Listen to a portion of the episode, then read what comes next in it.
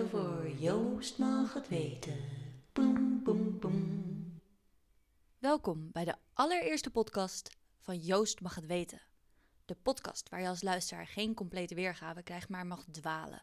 Om hier en daar een luikje open te maken, waarachter een versnipperd beeld wordt geschetst van het huidige afstudeerjaar Art Research 4 2021. Het is juist die versnippering, die fragmentatie, die deze lichting typerend maakt. Wellicht dat de luisteraar in dezelfde gemoedstoestand kan treden als die van deze lichting, namelijk één waarin het grote overzicht te bewaren bijna onbehapbaar wordt, soms wegvalt en er ingezoomd kan worden op de details, waarmee er in zijn fragmentatie dan ook een hoop zichtbaar wordt. Deze podcast legt de nadruk op de vertakkingen van het makerschap, haakt in elkaar waar nodig en deint mee op de golven van zij die al dobberend zoeken naar uitwisseling. De structuur van de podcast is, net als van de makers, aan veranderingen onderhevig. Er wordt gebruik gemaakt van bekende elementen, maar is verder vrij in beweging. Zo zijn er verschillende rubrieken, waarvan sommige terugkerend en andere eenmalig. Je zou deze podcast kunnen zien als iets om doorheen te bladeren. Het staat je dan ook vrij om met behulp van de inhoudsopgave hem te openen waar en wanneer je maar wilt. Piepediepoe, het begint nu. Hallo iedereen, welkom op Sint-Joost. Uh, tegenover mij heb ik Bas van den Hurk, kunstenaar Sint uh, docent op Sint-Joost. Hij heeft hier zelf ook gestudeerd, maar heeft daar ook filosofie-diploma's behaald. Wij kennen hem vooral als een theoriedocent die ons steeds met heel veel enthousiasme en interesse benadert. En soms weet hij ons ook mee te enthousiasmeren door te vertellen over zijn eeuwige studentenleven en zijn yoga-vader. en uh, ja, ik ben heel benieuwd, Bas, hoe zou jij jezelf als kunststudent omschrijven? Hoe was jij toen jij hier studeerde? Ja, die, die tijd die was totaal anders. Dus hoe waren wij? Ik denk dat ik was um, ook wel enthousiast en nieuwsgierig. Maar ook wel, uh, ik denk dat wij ook wel een beetje, toch wel... Um, hoe zeg je dat, zo een beetje tegen de keer waren. Of een beetje ook uh, wel uh, heel vaak de grenzen opzochten van wat kon binnen die academie. En, uh, en um, ja, dat, dat, dat, en dat, en dat stuitte soms op onbegrip, maar ook heel vaak eigenlijk wel op een soort enthousiasme. Zo. Ik denk wel dat dat idee van een student die ergens de grenzen probeert op te zoeken, dat dat eigenlijk uh, toch vaak wel interessant is, ook voor het instituut en eigenlijk ook voor docenten of zo. Dus uh, ja, ik denk dat wij wel waren een clubje zo, echt binnen de, binnen de academie ook. Um, ja, en, we, en wij zochten wel een beetje die grenzen op. Um, ja, kan daar eens een voorbeeld van geven? Ja, bijvoorbeeld, ik, ik, ik denk er zo aan, we waren op een gegeven moment, ik was ook een, uh, dat is misschien ook leuk om te vertellen, ik was de laatste twee jaar van de academie, was ik een duo met iemand anders. Dus dat uh, was bijvoorbeeld ook wel interessant, omdat wij wilden dan als duo afstuderen. Uh, en dat, uh, en dat, ja, dat stuitte natuurlijk tegen de reglementen van de academie, ging dat in of zo. Um, dus dat, was, dat leverde bijvoorbeeld als een vraagstuk op van kan dat? En, en, maar ja, wij, wij, zetten dat, wij vroegen dat eigenlijk niet, wij zetten dat door. Dus dan, dan ja, op een gegeven moment, ik denk vaak van de vrijheid die je neemt is ook de vrijheid die je krijgt of zo. Dus wij, wij zetten dat door en op een gegeven moment dan ja, dan kan dat ook wel. Dan snapt dan snap misschien zo'n academie ook wel van, oh ja, dat is eigenlijk misschien interessant om, om die vraag te, hebben. Maar bijvoorbeeld, wij waren dan een keer, was de academie uitgenodigd om in een kunstprogramma op televisie, dat was, dat was een programma van Frits Spits, dat was zo'n uh, radio-dj, die had toen een kunstprogramma. Dat programma heette iets van Nieuwspits of zo, en er zat dan elke week een kunstenaar in. Dat was dan een muur, en dan moest die kunstenaar iets op maken tijdens die uitzending. Wij waren daar ook met z'n tweeën voor uh, gevraagd. Uh, en degene met wie ik samenwerkte was Gilbert van Drunen.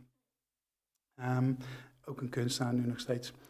En uh, ja, waren, wij kwamen dan aan en in die tijd hadden wij ook een beetje zo, wat ook een beetje tegen de keer was. We liepen de hele dag in een pak rond met een stropdas. Dus in plaats van al die, al die kunststudenten eruit zagen, wij zagen eruit met een pak en een stropdas en een koffer hadden dan. We kwamen als een soort van, ja, zo, zo liepen we dan rond op die academie ook. Uh, dus zo kwamen we er ook aan bij die nieuwspits. En wat hadden we dan gedaan zo? Uh, we deden met z'n tweede. Ja, ik maakte een tekening met houtskool. En Gilbert die liep dan achter mij aan en die had gewoon een emmer met latex en witte. En die witte zo heel die muur weer weg, zeg maar. Dus gedurende die uitzending zag je wel zo die tekeningen eentje verschuiven. Maar aan het einde was die muur gewoon weer wit, zeg maar. Maar de volgende dag waren ze wit heet op de academie. Want dat was, en het was een kans voor Sint-Joost om goed in het nieuws te komen en iets moois te laten zien. En, en nou ja, wij hadden dan gewoon die witte muur achtergelaten. Zo. Dat was dan, nou ja, was een voorbeeld dan van hoe dat dan ja, goed viel of fout viel. We waren daar wel voor gevraagd dan, zeg maar. Dus vonden het ons dan wel interessant. Maar uiteindelijk waren ze dan weer kwaad dat het zo gelopen was of zo. Maar waren dan docenten die dat wel weer konden waarderen? Ehm, ja, tuurlijk. Dat onder, onder, ik denk wel, ik denk wel dat die, dat vaak die, eh, dat soort, dat soort, dat onbegrip of boosheid of zo, dat zat dan misschien wel meer ook bij directie of zo op dat moment. Ja, zo, toen had je een directeur en onderdirecteur en, ja, dat soort, en die stonden daar dan op natuurlijk dat het goede publiciteit was. Ja. En was er ook iets naast uh, het duo vormen waarmee jij probeerde een beetje te schoppen tegen de kunstacademie, tegen de dingen die hier horen? Mm, nou, uh, misschien niet zozeer tegen de kunstacademie als zodanig. Want nou, ik kan niet anders zeggen als, dat, ik een supermooie tijd daar heb gehad of zo. Maar meer misschien tegen... Toen had je heel strikt afdelingen waarbinnen je werkt of zo. En wij probeerden dan eigenlijk altijd juist over die grenzen van die afdelingen heen te werken. Dus ook heel veel bij andere afdelingen te werken. Uh, dat soort dingen te doen. Um, ja, we deden ook veel dingen, denk ik, zo buiten de, buiten de academie om. Of we probeerden ook die, ja, goh, um, nee, ik kan, niet, ik kan niet echt zo nou een soort, wanneer kwamen we nou eens in opstand of zo? Nee, dat, was, dat zo, zo, zo heftig was het niet, denk ik zo, nee. Mm, maar um, zag je die, dat je in bepaalde afdelingen moest werken, zag je dat ook als een, echt als een hindernis? Mm, ja, die afdeling waar wij dan werkten heette toen schilderen en monumentale vormgeving. Oh. Een oud woord. Dan had je echt zo de afdeling sculptuur. En daar, op die afdeling sculptuur, waren op dat moment, had je zo die opkomst van postmodernisme. En daar waren zo een aantal docenten. Um, ja, dat was een duo kunstenaar voor Tuin O'Brien. Die gaven daar les. En eigenlijk, ja, dan op die, op die sculptuurafdeling, daar was het hot, zeg maar. Dan gebeurde het eigenlijk allemaal. En, maar wij gingen dan ook wel veel om met die mensen van die sculptuurafdeling of zo, snap je? Dus zo probeerden niet zo in ons eigen kader te blijven, maar ook daar zo te kijken wat daar dan gebeurde of daarmee mee te gaan met die studenten of zo. En hoe ging je van de kunstacademie af toen? Uh, was het met veel kritiek naar de kunstwereld? Was dat met uh, een idee van oh, eindelijk vrijheid of gemist naar de, naar de academie weer? Um, met heel veel, met heel veel uh, bravoer gingen wij eraf eigenlijk. We waren wel zo, ik denk dat we wel een beetje zo gezien werden. Zo. En uh, ook met het idee van, ja, zo uh, we gaan het maken. En dat was wel, denk ik, wel zo'n beetje de, de, de, de, de teneur van... Ja, we gaan hele goede kunstenaars worden. Die, die, die drive hadden we wel echt. Um, ja, en ik ging er af. Eigenlijk tijdens die academie was er, was er zoals ik nou een docent ben, was er voor mij een docent. Man heet Harry van Bokstel. En in het tweede jaar kwam ik met hem in aanraking. En hij had filosofie gestudeerd. Dat was eigenlijk mijn kennismaking met filosofie. Nou, ging mij ongelooflijk interesseren, uh, die filosofie en die lessen. En ja, met, die, met hem raakten we eigenlijk ook bevriend. Dus als ik bijvoorbeeld zeg van, ja, buiten de academie om, wij, ging, wij kwamen heel vaak bij hem thuis en we zaten daar, maakten met hem samen werken en, en we lazen dat dingen, we luisterden muziek, uh, al dat soort dingen, praten de hele nacht over kunst, weet ik het wat. Um, dus dat, zo ontstond er ook, was ook al een andere verhouding misschien. Uh, en toen ik van de academie afging, toen had ik dus wel eigenlijk in mijn hoofd van, uh, ja, ik zou nog wel filosofie willen studeren. Um, dus dat was ook een, ja, iets um, waar, waar ik toen eigenlijk meteen na de academie ook mee begonnen ben. En dat begon eigenlijk een beetje dat ik dacht van, oh, ik woon in Tilburg en toen kon je nog vrij makkelijk een beurs krijgen en zo. Dus uh, ik dacht van, nou, ik, ik ga bijna zoals iemand anders televisie kijkt, zo ga ik gewoon colleges volgen. Ik ga een beetje daar zitten en een beetje luisteren. Maar toen raakte ik eigenlijk ook wel op de Universiteit in Tilburg daar eigenlijk ook in geïnteresseerd. En toen ben ik dat door gaan uh, doen. Maar ik heb er wel zeven jaar over gedaan uiteindelijk. Omdat ik dat altijd wel combineerde uiteindelijk met mijn, met mijn kunst. Dus soms was ik dan meer met mijn kunst bezig. En soms was ik meer met mijn studie bezig. Dat, dat wisselt elkaar eigenlijk af in de jaren daarna. Oké. Okay.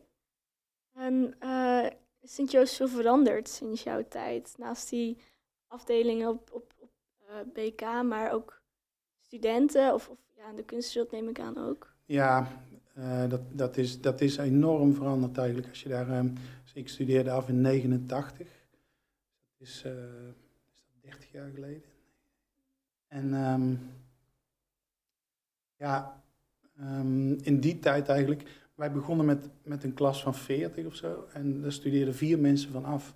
Dus eigenlijk was toen het idee heel erg van, ja, van deze 40 mensen is er eigenlijk misschien werk, echt als kunstenaar, voor vier mensen. Dus dat, het idee was bijna gewoon, de insteek van de docent en van de hele academie was bijna van, ja, 90% moet hier afvallen onderweg.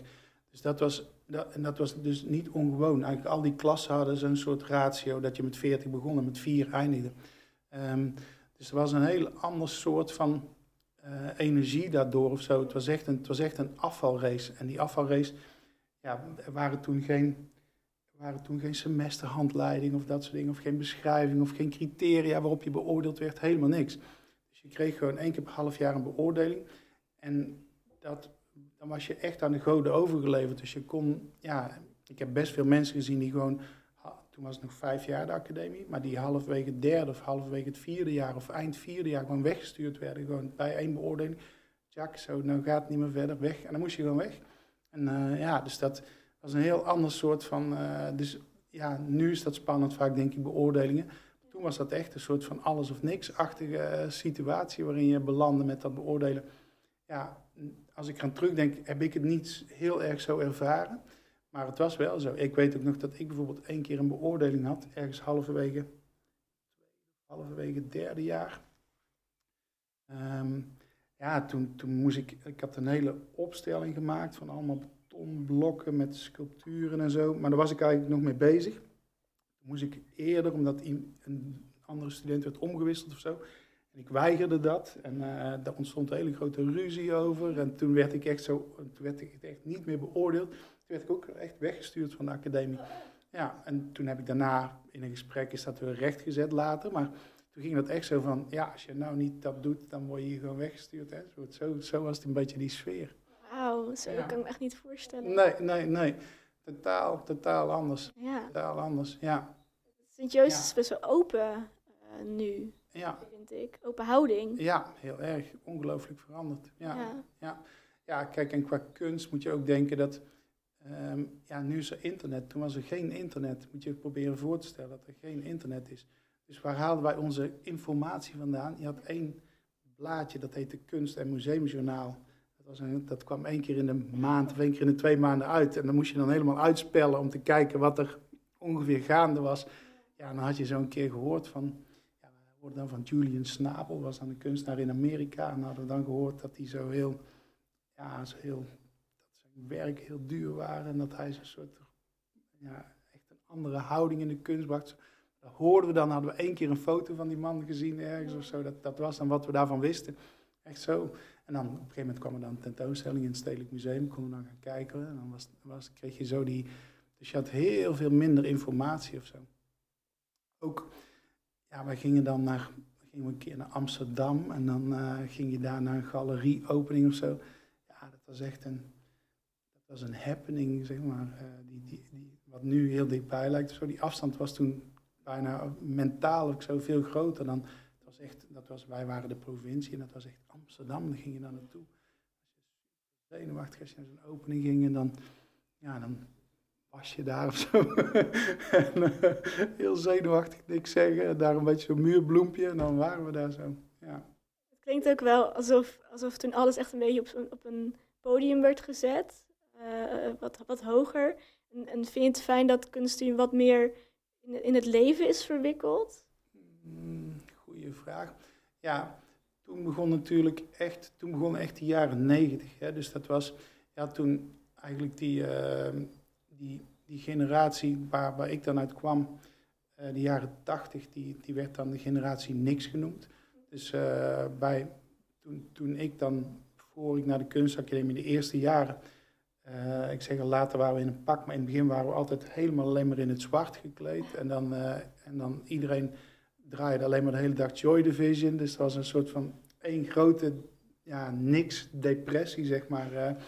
Eh, al onze teksten gingen daarover dat er eigenlijk geen enkele toekomst was. No future was, was, de, was de slogan of zo. En, eh, ja, dus dat, we waren in het zwart, depressief, geen, geen toekomst. En toen kreeg je eigenlijk de jaren negentig. En dan krijg je natuurlijk een ongelooflijke boom ook in de economie. En dan krijg je van die kunstenaars als Jeff Koons. Hè. Dus het moment dat Jeff Koons bijvoorbeeld doorbreekt en dat hij een totaal ander beeld van een kunstenaar, waar wij toen ongelooflijk tegen waren, wij echt zo tegen postmodernisme, tegen Jeff Koons, dat was echt de vijand uh, uh, voor ons. Zo. Uh, hij bracht die hele commercie in en dat soort dingen. Maar toen kreeg je een totaal andere vibe inderdaad. En ja, dus toen ging kunst echt, de prijzen gingen sky high, de economie ging boomen, dus er kwam een totaal, totaal ander soort verweving van kunst met, met, met economie eigenlijk. En dat is, ja, die, die verwevenheid is er denk ik nog steeds. En nu zie je wel natuurlijk dat onder, wat ik zie in jullie generaties, dat er echt nou uh, bijna voor het eerst serieuze vragen bijgesteld worden. Maar dat economisch paradigma is natuurlijk zo alomvattend geworden, dat dat echt lastig is om daar doorheen te breken of de alternatieven voor te vinden. Maar daar wordt natuurlijk nu wel naar gezocht. Ja. Dus of kunst niet meer met leven verweven is. Um, ja, ik kan, ik kan geval wel zeggen, dat is ergens. Kijk, dat, klas, dat is een klassiek ideaal van de avant-garde, van de jaren 20, jaren 30 of zo. En ik, ik vind dat ideaal aan zich, vind ik uh, nastrevenswaardig. In die zin dat, dat eigenlijk ja, de meest extreme vorm van is die theorie van Theory of the Avant-Garde van, van Pieter Burger, waarin hij echt zegt van ja, kunst moet dialectisch opgeheven worden in het leven. Dus dan zou echt het idee kunst helemaal verdwijnen. Je zou geen kunst meer hebben. Het zou eigenlijk ja, als een bruistablet oplossen in het leven, zou je kunnen zeggen. Die grens, uh, dat heeft Jeff Wall gezegd in die lezing die hij hier voor de academie heeft gehouden. Ja, die grens, daar staan kunstenaars wel voor. Ze begrijpen dat, maar ze gaan hem eigenlijk toch niet over. En dat snap ik ook heel goed. Ergens moet er toch die, die afscheiding tussen kunst en leven blijven op een of andere manier. Maar dat vind ik zelf een ongelooflijk interessant vraagstuk. Zeg maar, hoe kunnen zo ja, sociaal-maatschappelijke processen, het leven, als je dat zo wilt definiëren, en de formaliteit van de kunst, materialiteit, tactiliteit, enzovoorts, de formele kwaliteiten, compositie, kleur, enzovoorts. Hoe, kunnen, hoe verhouden die zich tot elkaar? Zeg maar? Hoe kun je daarmee omgaan? Zijn er dingen dan uit, uit jouw tijd die je echt, echt terugziet op de academie, onder de studenten, dat je hier terugkomt als docent en denkt, oh ja, eigenlijk is er niet per se heel veel veranderd? Ja, toen, toen zaten we in een gebouw in de, in de stad. Dus we wisselden een paar keer, maar we zaten echt in de stad. Dus zat je echt bij het café om de hoek en zo. Eh, na, na de, aan het einde van de dag ging iedereen naar het café. En dan, dus dat liep zo eigenlijk naadloos in elkaar over of zo. Hier zit je echt in een totale andere situatie, architectonisch en, en, en qua... Dus dat is denk ik een groot verschil. Um, maar ik zie, ook, ik zie ook wel echt continuïteiten zo. Uh, eigenlijk de, ja, de, die, die bijna iedere student heeft natuurlijk een, een individuele zoektocht eigenlijk. Hè. Dat is waar, waarom je kunstenaar worden. Je hebt een, je hebt een, een eigenlijk, het is een hbo-opleiding, dus je hebt een redelijk goed verstand. Nou, daar kun je van alles mee worden in het leven. En je kiest voor die totale onzekerheid van kunstenaar te. Binnen zo'n academie kies je dan voor die autonome afdeling. Ja, dat, uh, met dat, daar voel ik me altijd meteen mee verbonden, zeg maar. Met, met dat idee dat je die keuze maakt in het leven, dat, dat, vind, ik een, uh, dat, vind, ik een, dat vind ik altijd een een, ja, een mooie, moedige keuze die, uh, die, ja, waarvan ik nog zie, zeg maar, wat hij in mijn leven allemaal heeft gebracht. Zo, dat is een soort van, ja, dat is niet een rechte lijn. Dat, dat, is een, dat is een kronkelende weg die je dan gaat in het leven.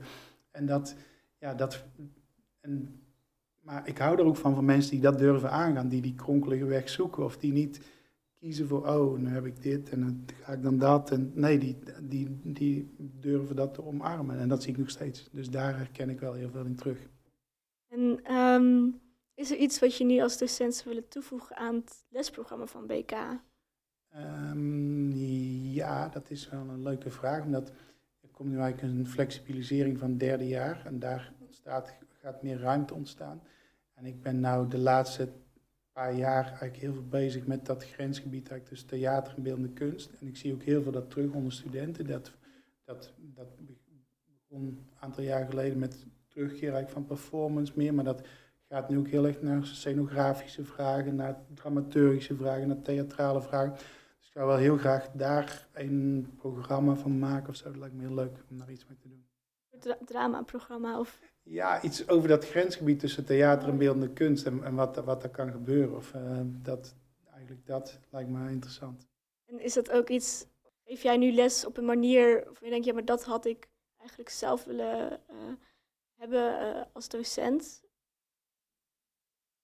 Ja, toen ik begon met lesgeven, en toen had ik eigenlijk zo, wat ik zei, had ik eigenlijk dat voorbeeld van die, van die docent die ik zelf ooit gehad had, van hoe hij dat een beetje deed. En dat kopieerde ik dan eigenlijk in de eerste lessen. Want uh, ja, toen ik hier docent werd, toen, kreeg, toen kwam ik gewoon, uh, toen werd ik daarvoor toen werd ik opgebeld of ik dat wilde doen.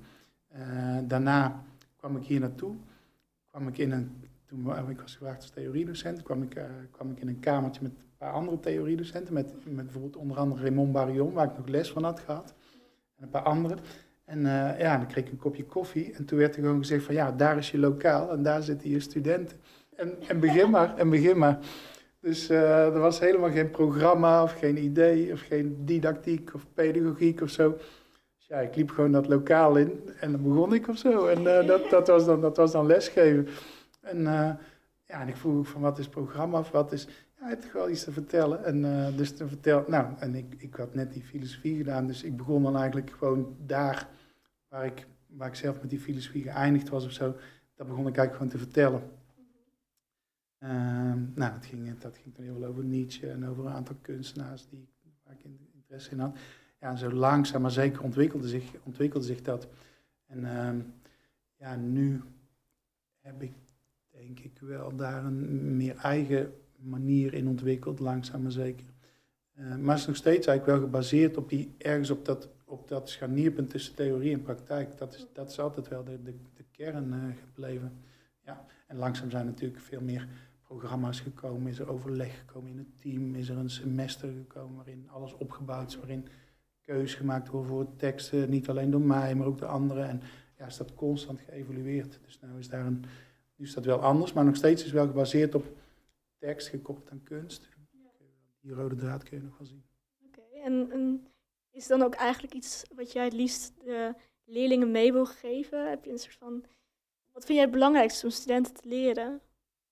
Um, ja, zelf hou ik heel erg van, uh, van, uh, van, van die combinatie van theorie en praktijk. Dus dat, dat is denk ik wel wat, wat ik probeer mee te geven. Van, um, ja, dat, dat, theorie, dat dat ja, een, integraal onderdeel van je praktijk kan zijn. Dat, dat hoeft niet noodzakelijk, maar ik denk wel dat als jij, uh, in ieder geval voor mij geldt dat als, als kunstenaar, dat dat ik veel lees en dat dat mij altijd wel voedt in mijn, in mijn werk. En uh, dus misschien hoop ik, dat, hoop ik dat punt mee te geven, van dat, ja, dat teksten interessant kunnen zijn en, je op, dat je je horizon kunnen verbreden en je, je blikveld en dat je daardoor ja, binnen je eigen werk ook een, een breder perspectief kunt, uh, kunt aannemen. En um, ja, voor mij is ook altijd dialoog is ongelooflijk belangrijk. Dus ik ben ook niet een kunstenaar die ja, af en toe, maar niet ook vijf dagen per week er eentje in atelier werk. Ik heb altijd heel graag dialoog. Dus voor mij, en voor mij is een tekst is ook een dialoog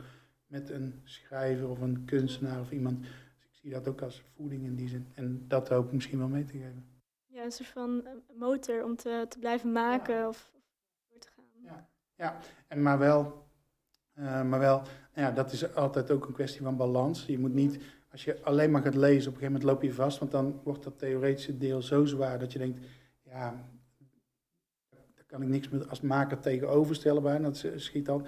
Als je alleen maar maakt, op een gegeven moment loop je dan ook misschien vast in, in je eigen uh, ja, beperking of zo. Dus ik, ik vind altijd dat, dat, dat het een dialoog of een balans zou moeten zijn. Zie je dan ook uh, resultaat? Ja, resultaat. Ja, in die zin dat. Um, ja, dat is een hele mooie vraag natuurlijk. Wat, wat is resultaat? Hè? Dat was resultaat. Uh, en ik denk dat er best lang ook een, ja, als ik zei, ik kom uit de jaren negentig, dat was eigenlijk best ook gericht op, uh, op succes, werd eigenlijk ook heel erg in economische termen uitgedrukt. Van hoe bekend kun je worden, of hoeveel geld kun je verdienen, of wat wordt je werk waard of zo. En ja, ik heb ook wel een, een tijdje zo een beetje die, die golf proberen te surfen van hoe kun je dat nu doen of zo. Ehm, maar de laatste jaren doe ik dat helemaal niet. Heb ik eigenlijk veel meer gezegd van... eh, op een gegeven moment had ik heel veel tentoonstellingen en kon ik, verdien ik ook best veel geld. En, en op een gegeven moment dacht ik van... Ja, ik ben, lijkt wel een soort, eh, ik lijk wel een soort fabriek aan het worden. Dus ik ben alleen maar, iedereen wil alleen maar één soort schilderijen. Iedereen wil hetzelfde hebben. En ik ben alleen maar het ene naar het andere daarvan aan het maken. De ene naar de andere tentoonstelling van aan het doen. Ehm, tentoonstelling waar ik zelf vaak niet eens meer naartoe ging of zo. Dan werd dat werk opgehaald en dan het ergens naartoe gebracht, weer teruggebracht. En dat wil ik helemaal niet. En nu ben ik dat helemaal niet aan nastreven. En, eh, en, maar nu ben ik heel veel gelukkiger. Dus eh, wat, is, wat is succes? Dat is denk ik wel, ja, dat kun je op verschillende manieren uitleggen, denk ik. En voor mij is nu dat succes veel meer dat ik veel meer het idee heb dat ik nu dichter ben bij wat ik wil doen. En, en dat ik daar veel gelukkiger in ben en ja, veel meer lol in heb. Dus ja, dus voor mij is dat wel succes eh, nu. Dat vind ik een hele mooie afsluiter. Ik wil je echt heel erg bedanken voor eh, je antwoorden en het gesprek. Ja, ik wil je ook heel erg bedanken voor de ontzettende goede, mooie, leuke vragen. Dus uh, dank je wel. Hallo, ik ben Doris. En voor deze podcast heb ik alle eindexamen beeldende kunststudenten van het AKV Sint Joost geïnterviewd met één wellicht verwarrende, maar urgente vraag. Namelijk, wat is de positie van de kunst met betrekking tot de huidige tijd vanuit jouw praktijk? Um, in deze tijd denk ik dat de positie van kunst erg van iedereen individueel afhangt. En dat het juist mooi is dat het ook dat het verschillend mag zijn. Want iedereen heeft zo erg een andere achtergrond. En de wereld is een stuk kleiner geworden. Ja. Waardoor er veel meer um, kunst naar buiten komt. Door kunst kunnen we een soort van um, al die verschillen zien. Ja. Voor mij gaat het dan denk ik vooral eigenlijk heel erg over um, ja, bijna een soort van utopisch idee van vrijheid. En dat is voor mij dan heel erg nutteloosheid. Um, ja, gewoon de vrijheid om dingen te kunnen doen. En daar gewoon de aandacht op kunnen leggen. Maakt niet uit wat het is. Nou ja, het gaat gewoon heel erg over de vrijheid hebben om te bepalen wat jij doet met die tijd. Ik vind vrijheid heel erg overgewaardeerd in deze tijd. Um, nou ja, het is een. Ja, echt wel. Nutteloosheid is heel erg ondergewaardeerd. Ja, maar ik zie het wel in verband met elkaar. Hoe dan? Wat is Omdat je met nutteloosheid is eigenlijk een soort van een belangeloze vrijheid. Omdat je niks hoeft nut te hebben. Wat bedoel je met belangeloze vrijheid? Is vrijheid niet altijd in relatie tot iets? Anders kan je niet vrij zijn, dan, ben je gewoon, dan is er gewoon niets. Ja, en dat is dus het, het utopische aspect van nutteloosheid. Niets. Niets. Dat is vrijheid. Zo, je hoeft niets. En er is niets. In zekere zin. Je hebt over deze tijd, is, is, er, is er voor mij zo weinig houvast dat ik kunst als het soort het bindmiddel zie. Was het altijd al. Misschien was het voorheen meer een spiegel. Omdat we verdeeld zijn. Ja, ja, ja. vanuit, die, vanuit dat, we, dat we eigenlijk heel gefragmenteerd leven nu, denk ik dat, dat ze, ze kunst nu. En kunst kan verbinden omdat je door kunst kan inleven of verder kan denken dan je normaal in je eigen Ja, het is omdenken voor mij. Het is Hoe? omdenken. Omdenken. Dus, in, dus kunst kan dingen kan een licht werpen op de dingen vanuit een indirecte benadering. Ja, precies. Waardoor je zelf denkt dat je erop komt. En dat noem je omdenken? Zo noem ik dat. En ja. heb je dat woord zelf bedacht? Nee, dat is zelf... Dat Wat is omdenken? nou, eromheen denken. Dus in plaats van het Om, ja. recht, zeg maar, zo recht toe recht aan te benaderen, probeer ik... Is er van die eh, eh, eh, Ja? ambiguïteit? Ja, Ja. ja. Ja, en dat, juist dat, dat wispelturige karakter maakt ook dat je, dat je het niet, niet recht kan benaderen. Het vraagt dus dat- om ja. er om, je er omheen begeven in plaats Meer duidelijkheid. Dus dat we gewoon Ja. veel nadenken. ja, ja, zeker. Ja.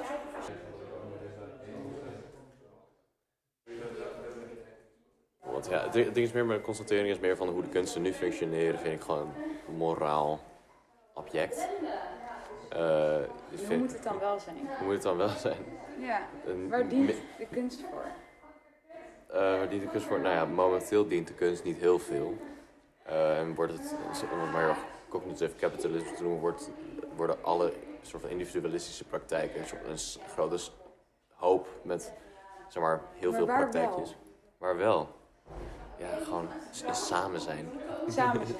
Kunst moet samenbrengen. Ehm, kunst moet niet per se samenbrengen, maar kunst moet wel eh, de ander in de breedste vorm van de term. eh, moet wel betrekking hebben op de ander. denk ik. Nou, is dat het rekening houdt met de belangen van de ander en niet alleen met de belangen van één individu of met de belangen van degene die daar bijvoorbeeld financieel gewin uit halen, wat vaak een kleine groep is.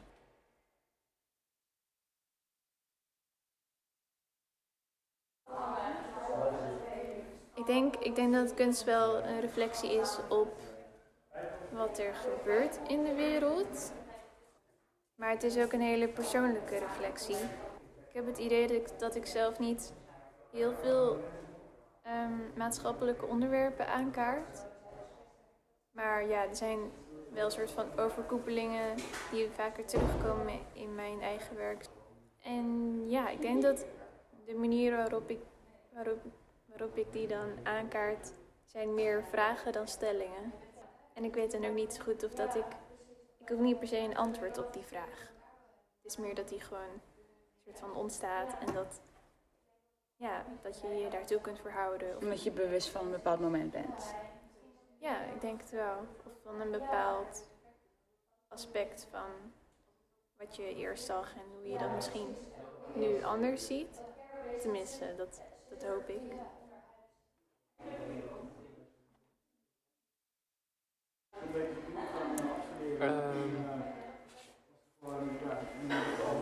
positie van de kunst. Ehm, nou, ik denk dat we nu met kunst een alternatief kunnen laten zien.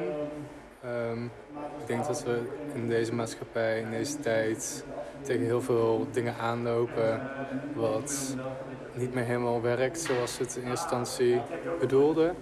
En ik denk dat wij met kunst ehm, eh, een ander licht kunnen laten zien op bepaalde systemen. En op welke bepaalde systemen? Ja, ik heb wel het idee omgaan. dat onze maatschappij heel snel gaat en het ook gericht is vaak op toch economische aspecten en eh, tijd is geld en ehm, Ja, je eigen gek. dingetje is gewoon heel belangrijk of zo. Terwijl Ja. het juist ook goed is om naar elkaar te kijken en voor elkaar open te staan.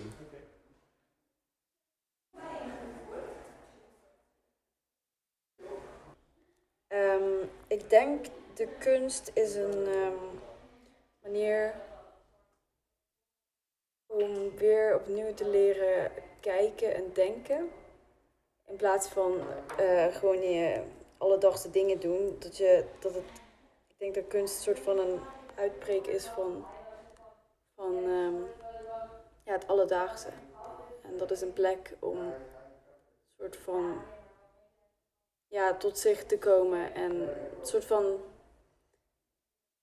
ja, bijna een meditatiemoment. Niet echt meditatie, maar een soort van dat je echt gewoon tijd neemt om, om iets te leren kennen. Of Moment van te- reflectie. Precies dat, ja. En, en waar, waar, waar denk je dan hier moeten we over reflecteren?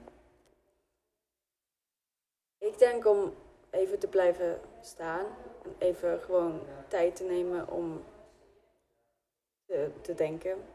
Gewoon even de tijd laten stilstaan. Ja.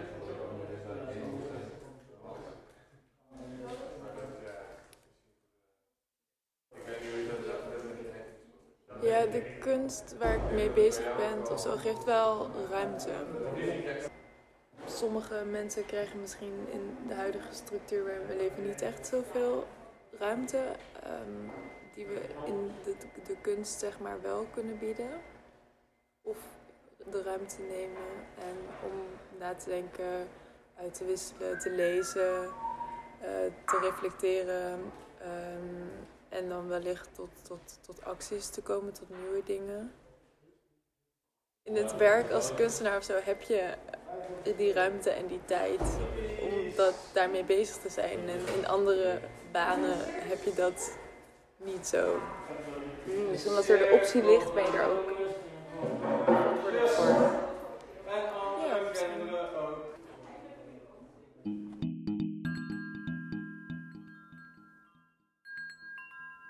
Hallo, welkom bij onze podcast waarin we in gesprek gaan met een van onze klasgenoten. Ik ben Femke van Heiningen en over vijf jaar heb ik mijn motorrijbewijs. En naast mij zit Isa. Hallo allemaal, ik ben Isa en over vijf jaar geef ik workshops aan gezinnen die bij mij thuis langskomen om servies te maken. Cool. Hallo allemaal, ik ben Hanne. En over vijf jaar heb ik een schuur ehm, die opengesteld is voor eigenlijk iedereen die daar gebruik van wil maken. Mensen vriendschapsceremonies kunnen hebben en filosofische gesprekken en kleine kunstexposities, et cetera. Je dromen. Vandaag hebben we Menno te gast. Menno is een eh, klasgenoot van ons, vierdejaars beeldende kunststudent. Allereerst heel erg bedankt dat je hierbij wilt zijn. Ja, dat vinden we super fijn. vind het ook leuk, dankjewel dat je me uit Ja, hebt genodigd. geen probleem. Ehm, en ja, wij hebben met Menno in de klas gezeten afgelopen jaren. En hebben we ehm, allemaal wel een beetje gezien wat Menno heeft gedaan. Ehm, ik denk zelf dat Menno een heel talentvolle jongen is. En dat hij dat misschien zelf niet altijd doorheeft. Ehm, maar dat hij heel veel in huis heeft. Ik kan me nog ehm, best wel een aantal eh, dingen herinneren die hij gemaakt heeft. Zoals gipsblokken, kan ik me herinneren. waar je allemaal verschillende voorwerpen in had gedaan. publicatieboekjes, waar ik ook super van onder de indruk was toen. En ehm, natuurlijk je schilderijen, waar je veel mee bezig bent geweest met de lucht die je schilderde.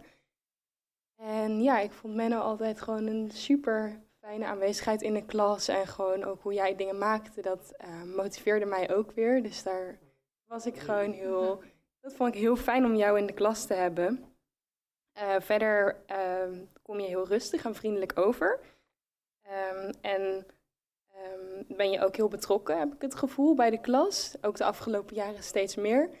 En ehm, ja, door ook jouw houding eh, heb ik het gevoel dat ik gewoon vaak bij je terecht kan als ik bijvoorbeeld ergens over wil praten. En dat vind ik ook heel fijn. Ehm, verder heb ik ook veel bewondering voor je ideeën. Zoals het idee wat je had om met Raf, je vriend, eh, een café misschien op te richten later. Heb je wel eens eh, iets over verteld dat dat een droom van je is om een soort cafeetje op te richten en dan in combinatie met kunst of met een soort expositieruimte. Dat vond ik super bijzonder. En een idee wat je nu hebt, wat iets recentelijker is, het is om een soort eh, theater te maken in de klas. Een soort ruimte, als ik, als ik het goed zeg. Maar dat vind ik ook super gaaf. En dat heeft ook, ja, dat laat ook gewoon heel erg zien hoe betrokken je is. En ik vind het heel mooi dat andere mensen dan ook die ruimte kunnen gaan gebruiken. ehm, voor misschien hun eigen werk. Dus ehm, ja, gewoon een super fijne, fijn persoon om in, om in de klas te hebben. en ik heb er ook alle vertrouwen in dat jouw dromen gewoon eh, werkelijkheid gaan worden. En dat je daar je hart voor gaat maken. En eh, le- leren we nog meer over mensen. Dankjewel. Sprak je van de week al toen ik vroeg of je met ons in gesprek hierover wilde gaan. Dat ehm, ik heb zelf best wel sterk een beeld van hoe ik zou willen dat de wereld eruit ziet. Ehm, en ik voel me heel verantwoordelijk voor om dat beeld waar te maken voor mezelf. Eh, en om dat beeld te delen. Ik denk dat het- om dat uit te dragen in mijn kunstpraktijk. En ik ben heel benieuwd hoe anderen dat ervaren. De eerste vraag is: Ehm, hebben jullie een utopisch beeld van de wereld? Bestaat, zeg maar, denken jullie daar wel eens over na? Mm. Ja, ik vind dat zelf altijd wel een beetje lastig. Want ehm, ik heb natuurlijk heb ik utopische ideeën of zo. Want ik denk dat dat ook laat zien wat er nu misschien minder goed gaat. En dat je, als je daarover nadenkt, dan schep je een soort van beeld over de toekomst, wat, wat, hoe je dat het liefst zou willen zien. Dus dat is natuurlijk goed om over na te denken. Ehm, maar ik ben me er ook wel enigszins bewust van dat mijn utopie niet de utopie van iemand anders is. Ehm, en ik weet niet goed hoe ik dat dan uh, moet trekken of zo. Dat is eigenlijk ook hetgene waar ik dan mee in mijn hoofd zit, inderdaad. Van natuurlijk heb ik ideeën over hoe ik zou denken dat de wereld er goed uitziet. Maar dat woord utopie heeft ook best wel een negatieve lading voor mij. Omdat um, ik dan eigenlijk. Um, ja, ik heb het ook wel eens bijvoorbeeld Han daarover gehad. En dan denk ik gelijk aan negatieve gebeurtenissen uit de geschiedenis. Waarin iemand dan zo'n ideologisch idee heeft voor hoe iets um, moet zijn. En dat vervolgens dan daardoor anderen gaat uitsluiten. Of dat het, um, wanneer je dus de ideeën waar gaat maken, dat het eigenlijk misschien meer een dystopie wordt dan een utopie. En ik kan uh, niet een gebeurtenis bedenken uit de geschiedenis waarin zo'n uh, utopische gedachte echt tot iets goeds heeft geleid. Dus daarom, daarom heeft het een negatieve lading. En ik kan me herinneren dat Noemi bij, uh, dat jij, uh, Menno en jij Femke bij mij thuis waren. Toen we bezig waren met dat collectief.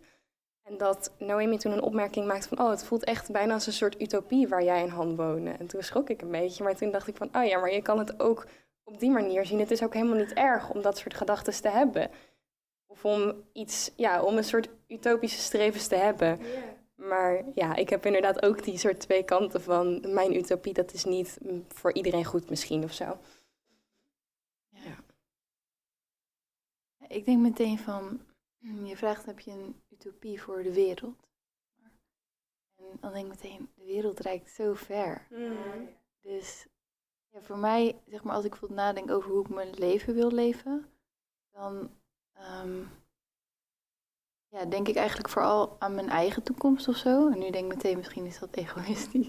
Maar dat, dat heeft ook wel te maken met een manier van leven die ik wil. Ook, ook voor de aarde uiteindelijk. Als je natuurlijk nadenkt over dingen als nou ja, zorg dragen, waar we ook veel mee bezig zijn in de klas. Of um, hoe je milieubewust kan leven. Ja, voor mij is dat meer dat dat in mijn eigen uh, leven, dat ik daar dingen mee wil doen, dan dat, dat ik echt ideeën heb die uitstrekken over landen. Ja. Ik geloof ook, want nu we het er zo over hebben, en jij zei ook je kamer, en dat is precies waar ik gisteravond ook aan dacht, aan hoe een soort van eigen ruimte, jouw eigen utopie verbeeldt, omdat jij de regisseur bent van je eigen ruimte. Um, maar ik breng me nu ook van, oh ja, wat eigenlijk, wat mijn vraag nog iets specifieker maakt, is hoe ik het denk zelf ook zie, is inderdaad, het is onmogelijk om de hele wereld te veranderen of zo. Of om de hele wereld zo uh, te willen, te, die utopie daarop te willen plaatsen of zo. Maar um,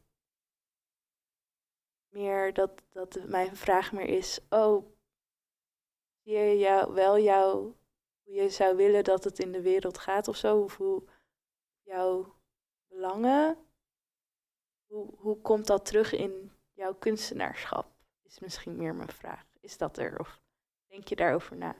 Heb je het misschien over een soort kernwaardes die je hebt? Misschien zo? Uh, is dat hetzelfde als belangen of is dat iets anders? Ik weet het niet. Ik, ik denk gelijk aan een soort waardes die ik heb binnen mijn leven, maar dat veel van die waarden inderdaad ook terugkomen binnen je kunstenaarspraktijk. Want dat is ook heel logisch, want je gaat, hoe jij omgaat met bepaalde situaties, zo ga je misschien ook om met je werk of bepaalde mhm. dingen. Dus op dat opzicht wel, denk ik. Ja. Jullie? Ik vind bijvoorbeeld heel belangrijk dat mijn praktijk open is. Denk dat dat ook wel te maken heeft met de manier waarop ik wil leven. Zeg maar, ehm, bijvoorbeeld, dat zou dan vooral zijn als ik later een, een plek heb, zeg maar, waar ik echt ehm, mensen kan laten slapen of zo, zeg maar, bij mijn huis. Ehm, dat zijn ideeën die ik voor mijn persoonlijk leven heb. En in mijn praktijk komt dat ook altijd wel naar voren. Dat ik een soort van ja, ruimte wil vrijmaken of zo voor anderen. Ik wil mijn ideeën ook graag delen in de zin van dat ik graag wil samenwerken. Dus voor mij is dat, ja, dat collectieve bijvoorbeeld echt heel belangrijk. En dat zie ik ook wel in mijn eigen toekomst vormen. Ik denk dat het bij mij ook wel terugkomt in mijn werk. Ehm, ik ehm, zou het heel tof vinden als we elkaar als mensen niet op één ding zouden beoordelen of zo. Ik bedoel, Iedereen heeft ja, een soort meer duidelijkheid aan zichzelf. Ehm, en dat probeer ik ook wel op te zoeken in mijn werk. Ehm, dat ik meerdere Mhm. kanten van een, eh, van een voorwerp bijvoorbeeld probeer te belichten. En je hebt dan bijvoorbeeld een symbolische kant van zo'n voorwerp, maar ook een hele praktische kant of een, een eigen verhaal wat je daarbij kunt maken. Ehm, ik denk dat het daar sowieso in terugkomt. Daarnaast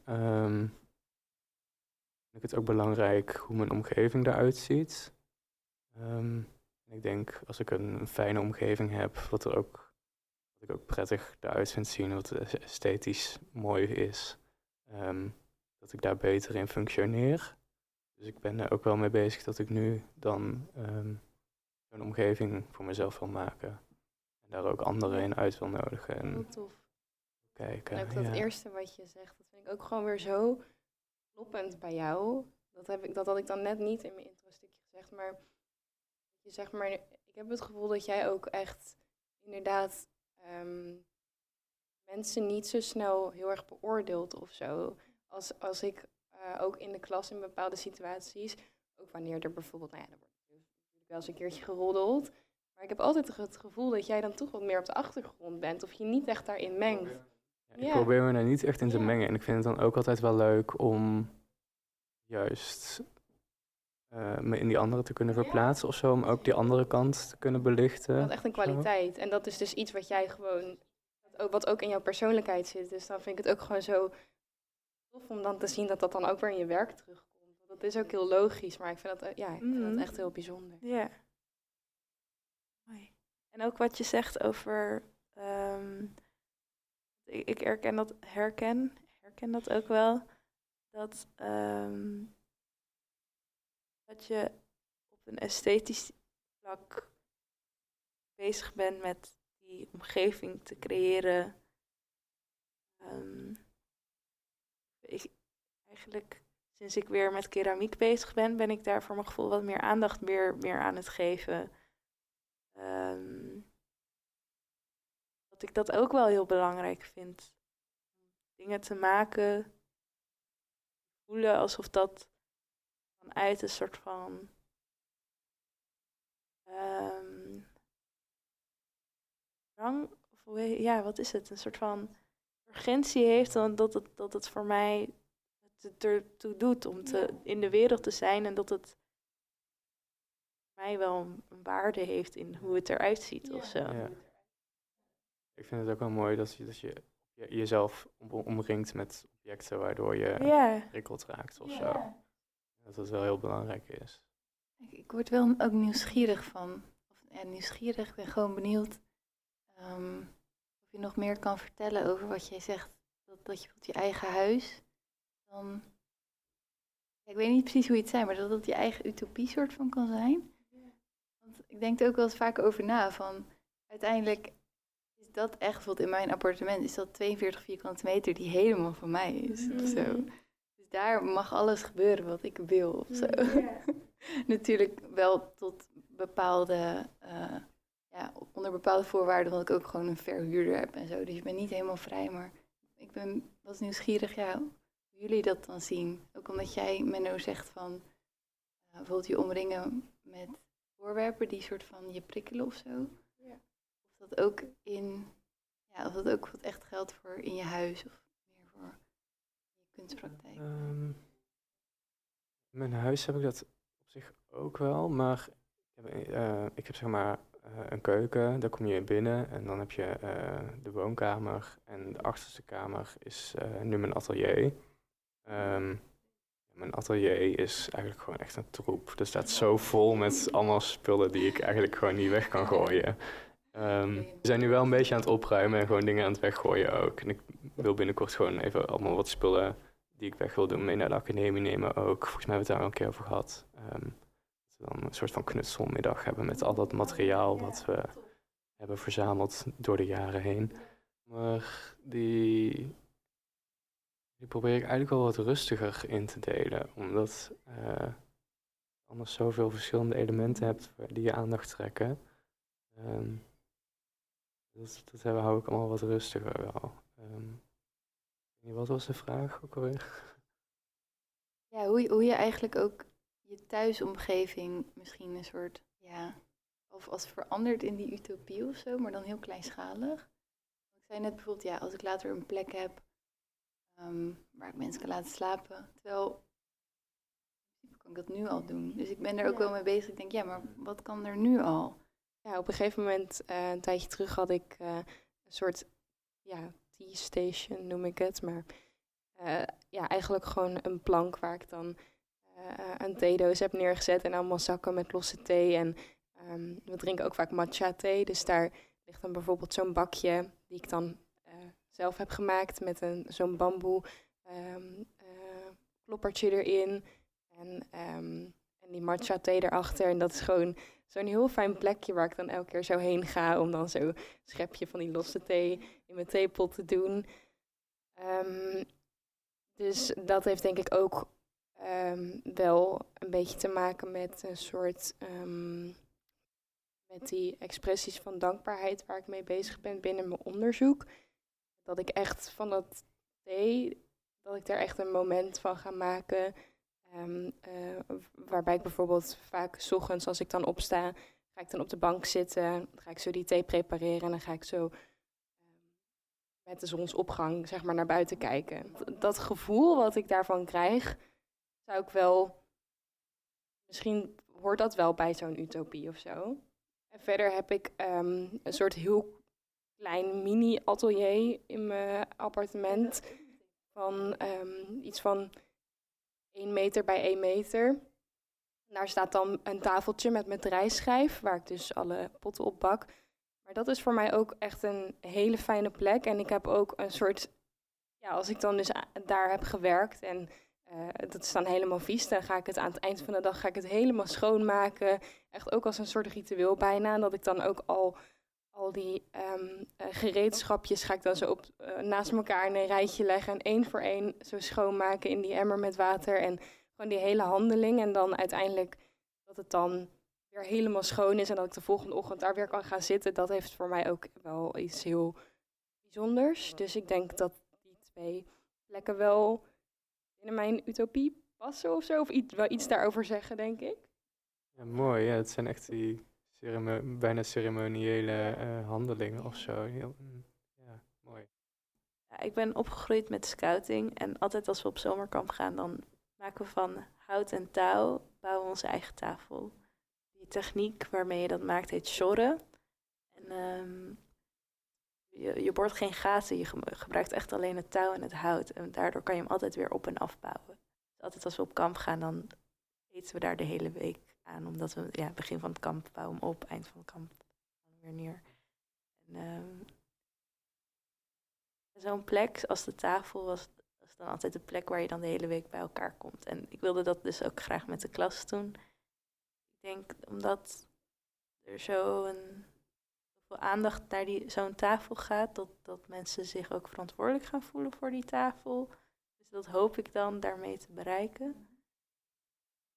Eh, maar ook dat, dat ze merken dan waar ze verantwoording voor nemen, dat ze er ook wat aan hebben. Ook iets soort iets cyclisch in of zo. Nee, ik vraag me toch af ook wat voor jullie het belang is van je omgeving. En ik ga proberen te schetsen wat ik bedoel daarmee. Maar ehm, ik woon nu dan net meer dan een jaar echt helemaal op mezelf. Dus daarvoor woon ik dan of met familie of met een partner of met huisgenoten. Maar voor mij is bijvoorbeeld echt heel belangrijk geweest, ook om me thuis te voelen in mijn appartement. Om ehm, contact aan te gaan met mijn omgeving. Ehm, voor mij is dat, nou sowieso voelde mijn, mijn eigen huisje al meteen een hele fijne plek. Maar om je soort van nog meer omsloten te voelen met een soort warmte, hielp het mij heel erg. Ik bijvoorbeeld echt mijn buren leerde kennen. En dat ik ehm, nou ja, secretaris werd van de bewonerscommissie en daar allemaal mensen ontmoette. Ehm, voor, mij, ja, voor mij is dat dan, dat thuis is zeg maar een soort van langzaam uitgevloeid, zeg maar. Dus eerst was dat die 42 vierkante meter die gewoon helemaal soort veilig voelde. Maar nu weet ik gewoon van, ja, maar ik ben ook omringd met nog veel meer mensen die ik hier ken. Dus heel dat complex werd soort van mijn thuis. En op een gegeven moment leerde ik ook de omgeving kennen, doordat ik ja, tijdens de lockdown heel veel ging wandelen en fietsen. Ging ik daar ook herinneringen maken met mensen, bijvoorbeeld met Femke, bramen plukken in het bos en zo. dus zeg maar, dat thuis breidde zich dan soort van uit, doordat ik me tot die omgeving soort van verhield. En ik vraag me af ja, hoe, hoe dat voor jullie voelt of zo. Ik denk dat ik dat minder heb. Ehm sociale aspect van mijn huis. Ehm, ik denk dat mijn huis meer een plek is die, die van mij is en waar ik mezelf in terug kan trekken en weer even kan relaxen en de volgende dag er weer op uit kan. Ehm, ik vind- oplaadpunt ja, ik vind dat is wel een mooi idee van een huis. Ehm, en ik heb dan voor in het huis wel nog huisgenoten, dus daar heb ik dan wel contact mee. Ehm, dat vind ik ook wel belangrijk, omdat we wel een huis delen natuurlijk. Ehm, maar ja, ik weet niet, ik zie het wel echt als mijn plek en ik weet eigenlijk ook niet wie mijn buren zijn. Ehm, ja, je, ziet ze wel eens en je zegt dan wel goeiedag en dat soort dingen, maar eh, meer dan dat eh, is dat niet. En dat vind ik ook wel prima. Ehm, ik vind het wel fijn natuurlijk dat ik mijn omgeving daar verder ook ken en wandel ik ook en, en dat soort dingen. Ehm,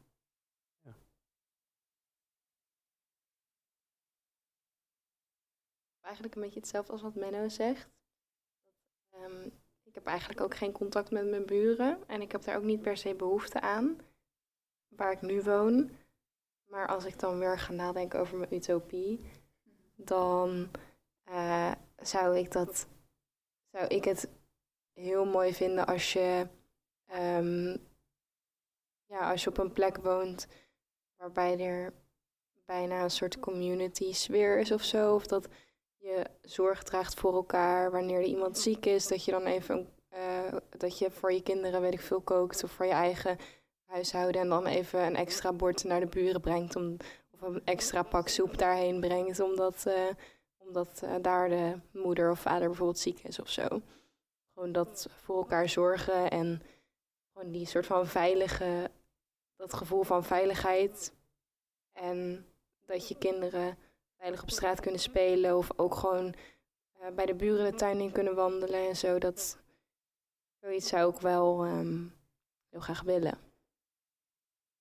Zou dat denk je bijvoorbeeld op de plek waar je nu woont kunnen? Als je bedenkt vanuit utopie, een soort van alvast stiekem gaan verwezenlijken, maar dan gewoon hier en nu. Ehm, ja, tuurlijk kan dat als ik me daarvoor zou inzetten. Tenminste, je moet, natuurlijk ook rekening hebben met eh, zitten die mensen daar wel op te wachten. En ik heb het gevoel als je misschien met een aantal mensen zo zo'n soort kleine community opricht of zo, dat dat dan makkelijker gaat dan dat je in een random buurt gaat wonen en daar even eh, gaat proberen zo'n soort community te creëren. En er zijn bij ons in de buurt ook bijvoorbeeld nooit buurtfeesten of dat soort dingen. Ik heb het gevoel dat mensen best wel op zichzelf zijn. Ehm, dus ik weet niet of dat hun daar überhaupt op zitten te wachten als ik een kom soep kom brengen. Dus ehm, natuurlijk ook wat, wat voor stapjes ja. je maakt. Want En ik heb ook het, dan ergens het gevoel van ik woon daar nu al een tijd. Dan is het nu een soort van te laat. Dan had ik dat in het begin moeten doen. Of dan moet ik doen als ik naar een andere plek ga verhuizen. Dan moet ik daarmee beginnen en niet nu ineens. eh, ja, Ja, ik weet niet, dat voelt dan een beetje raar, maar ik weet, misschien is dat gewoon onzekerheid of zo. Ja, ik, ik snap dat wel ook. Ehm, ja, ik, eigenlijk wat jij hebt, wat jij hebt, is denk ik wel heel erg waar ik naar ook inderdaad naar verlang. Eh, ik zat er ook laatst over na te denken over, oh, zou ik niet die tafel ook in mijn buurt ook kunnen neerzetten? Ehm, bijvoorbeeld, je hebt een soort volkstuintje en ik wil, ben eigenlijk, ik zeg al een tijdje, maar ik heb het nog niet gedaan.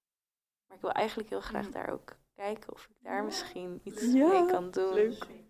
Oh my god, super vet. Ja, maar het voelt ook als indringen of zo, omdat ik niet, ik woon nu in Rotterdam Zuid en ik woon daar nu maar een maand of zo. En ik denk van, oh, zitten mensen er dan wel op te wachten dat ik eh, daar kom met mijn tafel en een beetje ga, vertellen hoe de buurt zich moet gedragen of zo. Maar dat is niet wat ik wil. Het is, ik wil wel dat, eh, ook überhaupt in de stad wonen, weet ik niet, vind ik nu heel leuk en ik heb ook wel veel vrienden in de stad. Maar ik verlang naar zoveel meer groen om me heen. Ik denk ook steeds van, oh ja, ik ga hier niet lang blijven. Heeft het dan wel zin om zoiets op te bouwen? Ik weet het niet. Misschien hoef jij er niet, ehm, misschien dat je iets kan oprichten. En dat het ook oké is als je daarna die plek verlaat en dat je het laat doorleven zonder jou erbij. Dus je kan natuurlijk heel klein beginnen. Stel je hebt dat doel, die tafel. Nou, dan begin je inderdaad met zoiets kleins rond de deuren brengen. Dat, misschien een keer een praatje maken. Of misschien kijken welke gezinnen kinderen hebben van een leeftijd eh, die groot genoeg zijn om bijvoorbeeld te helpen met de tafel. Want dan is het ook niet alsof jij die tafel daar neerzet. Dan heb je dat met een groep gedaan. Dus die kinderen zijn daar ook allemaal verantwoordelijk voor. Ehm, en misschien dat ze daar dan ook veel willen spelen of aan die tafel zullen zitten. Dus dan is het, is het ook niet misschien meer helemaal alleen maar van jou. Ik denk inderdaad dat het ook een kwestie is van je tot een omgeving verhouden, zeg maar. Want ehm, bijvoorbeeld de residentie die wij met Vrouwenmantel ingaan, daarbij stelde onze docent Rob, voor eh, context, stelde ons natuurlijk ook de vraag van, ehm, ja, als je dan in- iets in de buurt wil doen, zit de buurt er überhaupt op te wachten? Of, of is dat dan meer vanuit je eigen wens om, om iets te doen, dat je dat gaat doen of zo? Dus ik denk dat bijvoorbeeld een tijd ergens echt wonen en een soort van ehm, observeren hoe zo'n buurt functioneert en zo, dat dat bijvoorbeeld ook best wel belangrijk is. Want dan kan je natuurlijk je ideeën ook wel afstemmen op wat er misschien nodig is. Misschien, ja, misschien ehm, past in jouw buurt zo'n tafel uiteindelijk misschien niet, maar het oprichten van een gemeenschappelijke tuin wel. Of dat soort dingen, omdat mensen misschien in hun voortuintjes wel Mhm. lekker bezig zijn. En ja, dat soort dingen. Ik weet niet, ik denk dat ik het vooral voor, me, voor mezelf ehm, toch nog wel een beetje doe of zo. En eh, een tijd terug hebben we natuurlijk eh, met de klas die werkperiode gehad, waarin eh, dat zorgdragen heel erg naar voren kwam en voor elkaar zijn en elkaar de ruimte geven en ook ruimte innemen. Ehm, ja, en ik vond het zo'n fijne weken toen, dat ik dat ook wel mee wil nemen in ehm, die theaterruimte die ik wil gaan bouwen. Vertel over de theaterruimte, want ik ben daar heel benieuwd naar. Ehm, ja, ehm, nou, ik zie mijn schilderijen ehm, dus vaak als een, als een omgeving. Eh, en die, meestal begin ik met een achtergrond, een blauwe achtergrond eh, als lucht. Omdat het voor mij een soort open ruimte is. eh, waarin van alles kan ontstaan en kan gebeuren. Ehm, en daarin zet ik dan elementen bij elkaar. Of voorwerpen. Ehm, en die handeling van schilderen, ehm daar zit wel iets in wat ik prettig vind, maar tegelijkertijd is het ook niet precies wat ik wil. Dus ik wil het nu vertalen naar een eh, meer 3D-object. Ehm, en ik wil een soort van verhalende elementen toevoegen aan die objecten die ik kies. En ik denk dat een theaterruimte daar heel passend voor is, omdat je dan echt als toeschouwer kijkt naar wat er op het podium gebeurt. Ehm, dat is één onderdeel daarvan. En daarnaast ehm, ja, vind ik het heel mooi om zo'n ruimte voor mezelf te creëren waar ik in kan werken. Ehm, en ik vind het dan een grappig idee dat ik de gordijntjes dicht kan doen, dat het dan mijn plek is. Dat ik de gordijnen open kan doen, dat er dan dingen kunnen worden gezien of mensen naar binnen kunnen. Um, het zijn heel veel verschillende aspecten die ik dan op die ruimte projecteer of zo. Dus dat, daar zit die meerduidigheid dan ook wel weer in. Um, ik zou graag willen dat het een mobiele ruimte is, dat het ook anders in te richten is. Um, of dat um, ja, mensen daar een plek in kunnen nemen of een werk tentoon kunnen stellen. Mm. En dat er ook zorg gedragen wordt voor die ruimte op een of andere manier. Past ook weer bij dat overkoepelende thema van residenties uh, waar we mee bezig zijn. Ik wil nog een vraag stellen over die meerduidigheid. Want ik vind um, dat aspect wat je benoemt heel erg mooi. Dat dat bijvoorbeeld um, dat je daar duidelijk aandacht aan geeft in je schilderijen. Um, ik vroeg me af of je dat ook nog ergens zou willen delen of zo op een bepaalde manier. Dat dat je gedachtegoed is. Dat dat vooral iets is voor jezelf wat de achtergrond speelt, Mhm. in je intentie. Ja, nou dat is eigenlijk wel ook een vraag waar ik mezelf nog mee bezighoud. Ehm want ik heb bijvoorbeeld dan een schilderij die ik dan met een bepaalde intentie eh, gemaakt heb. En voor mij zit er dan betekenis achter die objecten of zo. Die heb ik dan op een bepaalde manier geselecteerd. Ehm, en ja, ik, dat heeft voor mij waarde. Maar vind eigenlijk, zou ik het heel mooi vinden als dat mijn waarde is en dat iemand anders er een eigen blik op zou hebben. eh, en het op zijn eigen manier kan interpreteren. Ehm, maar tegelijkertijd vind ik het ook wel weer tof als ik het, als ik zelf al verschillende scripten of zo zou kunnen schrijven, dat ik zelf al verschillende kanten benader. Waardoor het misschien voor de toeschouwer ook makkelijker is om te denken van, oh, ik zie dat er ook in, of dat zie ik erin, of allebei niet, maar ik vind dit zelf. Dus dat het daarin terugkomt.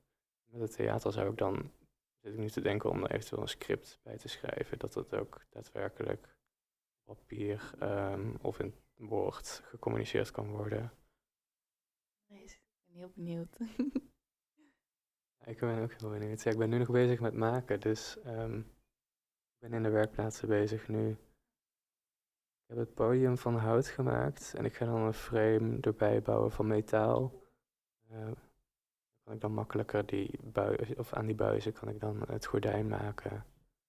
Um, ja, en ik wil dan ook een, een achterdoek. Uh, vaak heb je in het theater dat er dan zo'n achterdoek beschilderd is, dus dat wil ik dan ook doen. Ja. Benieuwd? Ik ook, ik ben heel benieuwd. Ja, ik ook. Um, ja, we eindigen onze aflevering altijd met een vraag aan de gast. Spannend. ja, en het gaat eigenlijk um, over een blik de toekomst in. Dus ik ben echt heel benieuwd. Stel, ik kom jou over vijf Aha. jaar tegen. Um, ja, waar, waar ik jou dan ontmoet. Zeg maar in, in jouw droomscenario. Als je alles mag wensen en verlangen. Waar, waar ontmoet ik jou dan? Waar ben je mee bezig? Nou, in de introductie kwam dat al een beetje naar voren. Ik zou heel graag mijn eigen um, ja, um, café of culturele ruimte willen met, met, met koffie. En ja, dat moet een plek worden waar, waar, waar mensen open zijn naar elkaar, ook voor elkaar staan waar mooie gesprekken kunnen plaatsvinden. Waar misschien workshops gegeven kunnen worden, zodat mensen die niet direct um, met creativiteit in aanmerking komen, toch wel met creativiteit in aanmerking kunnen komen. Um, dus daar ben je altijd welkom. Daar... Ja, heel leuk. alsjeblieft. Jullie bedankt.